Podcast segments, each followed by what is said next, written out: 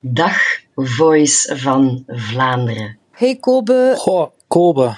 Uzelf opnemen om dan gehoord te worden, heel vreemd. Voor Kobe geen probleem. Voor mij weird. Ik wou even laten weten dat ik echt geniet van uh, gesprekken zoals deze, hè? zoals dat jij dat zo goed kunt zeggen. Mijn favoriete aflevering van de Kobe Show. Um, sowieso elke aflevering waar Kobe in te horen is. Hey, is dat, is dat de Kobe? De Kobe van de Kobe Show? Oh my god, dat is de Kobe van de Kobe Show! Um, ik luister eigenlijk niet naar podcasts. Ik ontdekte de Kobe Show toevallig um, door een vriendinnetje. En eigenlijk heeft dat mij al heel veel um, geleerd over mezelf. Uh, rust gebracht. Jij vraagt wat dat de beste aflevering is. En ik ben daarover aan het nadenken en ik kom erachter dat ik dat een waanzinnig moeilijke vraag vind. Omdat alle afleveringen die ik tot nu toe heb geluisterd wel een element hebben of een deel hebben waardoor ik zou kunnen zeggen dat is mijn beste aflevering. Of dat vind ik de beste aflevering. Wat mijn ogen geopend heeft, Jawad, wauw. Wat man. Die laat u gewoon nadenken over wat het leven inhoudt. Hoe je uh, uzelf bent zonder te oordelen of te veroordelen.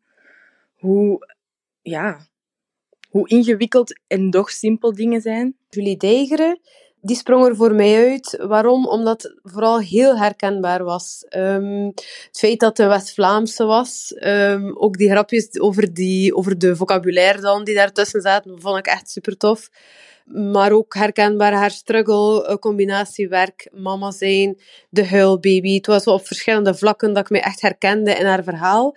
En dat was heel leuk om naar te luisteren, ook de dynamiek tussen jullie. Dat was echt zalig. De tweede podcast die ik eruit heb gekozen is die van Anne-Catherine Reddig. En om een heel andere reden. Dat was vooral omdat het, gaat, ging over een onderwerp waar ik weinig kennis van heb. Ja, uh, haar mama, de situatie met haar mama. Maar zij sprak daar op zo'n integere, sterke manier over dat me dat echt naar de keel greep. Um, en ook die, die podcast heeft mij bij doen stilstaan nog een keer bij wat dat er echt belangrijk is. Dus vandaar dat hij er ook in staat. Uh, Jawad, uh, Alul, Jasna Rokegem, uh, Jelle van de Missiechef, Floor de Nil, Charlotte Baren. Uh, en ik, ik, heb dan nog niet alle 180 afleveringen beluisterd. Er zijn er maar een paar die ik volledig beluisterd heb. En ik vind die allemaal geweldig. Ook Karen Adriaanse, zo'n sterke vrouw, zo kwetsbaar, zo positief. Uh, Jelle Beekman, de Messi-chef, die het heeft over jongeren op het rechte pad houden. En dat ze op, bij het onderwijs wel veel vakantie hebben, maar wat voor een loon en hoeveel moeite je daarin steekt. Of uh, Christine uh, de Witte die het heeft over de love language. Dieter van de Velp over architectuur. Gilles de Klerk over intermittent fasting. De Gilles is bekend voor marketing, growth marketing, maar, maar daar ging het helemaal niet over. Het ging over onderwerpen gaande van microdosing psilocybin tot de culture wars in de US en, en alles ertussen. En het is zo een van die afleveringen, een van die podcast-episoden die u triggert. Die u triggert om bij te leren, die u triggert om iets te lezen, die u triggert om over een idee na te denken, die u triggert om anders te denken, ja, die u, u triggert. En dat zijn voor mij de, de allercoolste podcasts. En de episode met de Gilles de Klerk was er uh, zeker één ervan. Maar de Koben heeft wel meer van, van dat type episodes. Dus um, ja, dat was een super cool. Ik heb, ik heb na die episode, uh, beluisterd tijdens de looptour, nog veel aan, veel aan liggen denken. Um, heeft, heeft bij mij ook wel wat, wel, wel wat zaken in gang gezet terug. Daarnaast vond ik de aflevering met Irmi ook wel heel interessant. Um, dat is een getalenteerde jonge dame die op hele jonge leeftijd al staat waar dat veel mensen nooit staan. Uh, dat is voor mij wel een voorbeeld. En dan ook nog eens die positiviteit. Um, die, ik heb die ondertussen ook in echt leren kennen. Um, en dat is een ongelooflijk positieve vrouw.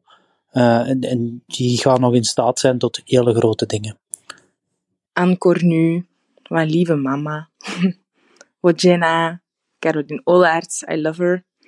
Waar ik ook nog een hele toffe aflevering vond, was die van Frederik van Grotel. Omdat ik op die manier uh, een beetje in detail zijn uh, levensverhaal uh, te weten ben gekomen. Hij, ik ken hem al langer van, van bij in, in de koffiebar uh, waar ik werkte. Maar ik kwam daar geregeld koffie halen, dus ondertussen wel een goede kameraad geworden. Um, dus dat vond ik ook wel heel plezant om die eens van dichtbij te kunnen horen. En Holy shit. de Junto. Waar we grote zaken klein maken en kleine zaken groot. Allerhande weetjes, toffe gasten bij elkaar. Die zorgen ervoor eigenlijk, die Junto-afleveringen, dat ik bijna elke keer als ik erin heb geluisterd, wel tegen iemand in mijn vriendengroep zeg hey, wist je dat? Of weet je wat ik nu heb gehoord? Dus die luister ik ook graag. Dus voor mij is er geen beste aflevering. Ik vind ze gewoon echt stuk voor stuk geweldig. Um, dus ik wil alleen maar zeggen, blijven doen, joh. Blijven maken. Want wie weet komt er dan nooit de beste voor mij. En dan kan ik dit inspreken. Goed gedaan. Goed gedaan, Krobbe. Merci om dit te maken. Ik blijf sowieso luisteren. Ik ben nog niet klaar met de show. Sowieso, elke aflevering is bijna de moeite om naar te luisteren, omdat je van elke gast wel iets kunt opsteken. En Kobe, ik zie naar Geren. Hallo. Goedemiddag. Hallo. Goedemiddag. Dag vriendjes en vriendinnetjes. Koben is gaan lopen en heeft de deur achter zich dichtgetrokken. Niet gelogen. De Kobe Show. Mag ik beginnen opnemen? Oh, ja, dat is eigenlijk een goede vraag. Um... Oké, we zijn eigenlijk al aan het opnemen. ik dacht het al. De Kobe Show. De Kobe Show. 1, 2, 3, 4. Zeg maar Herman. Dat ben ik. 1, 2, 3, 4, 5, 6. Maak fouten. Kijk om je heen. Kun je deze eruit knippen? Blijf je verwonderen. Vind het talent in jezelf. Kobe Show.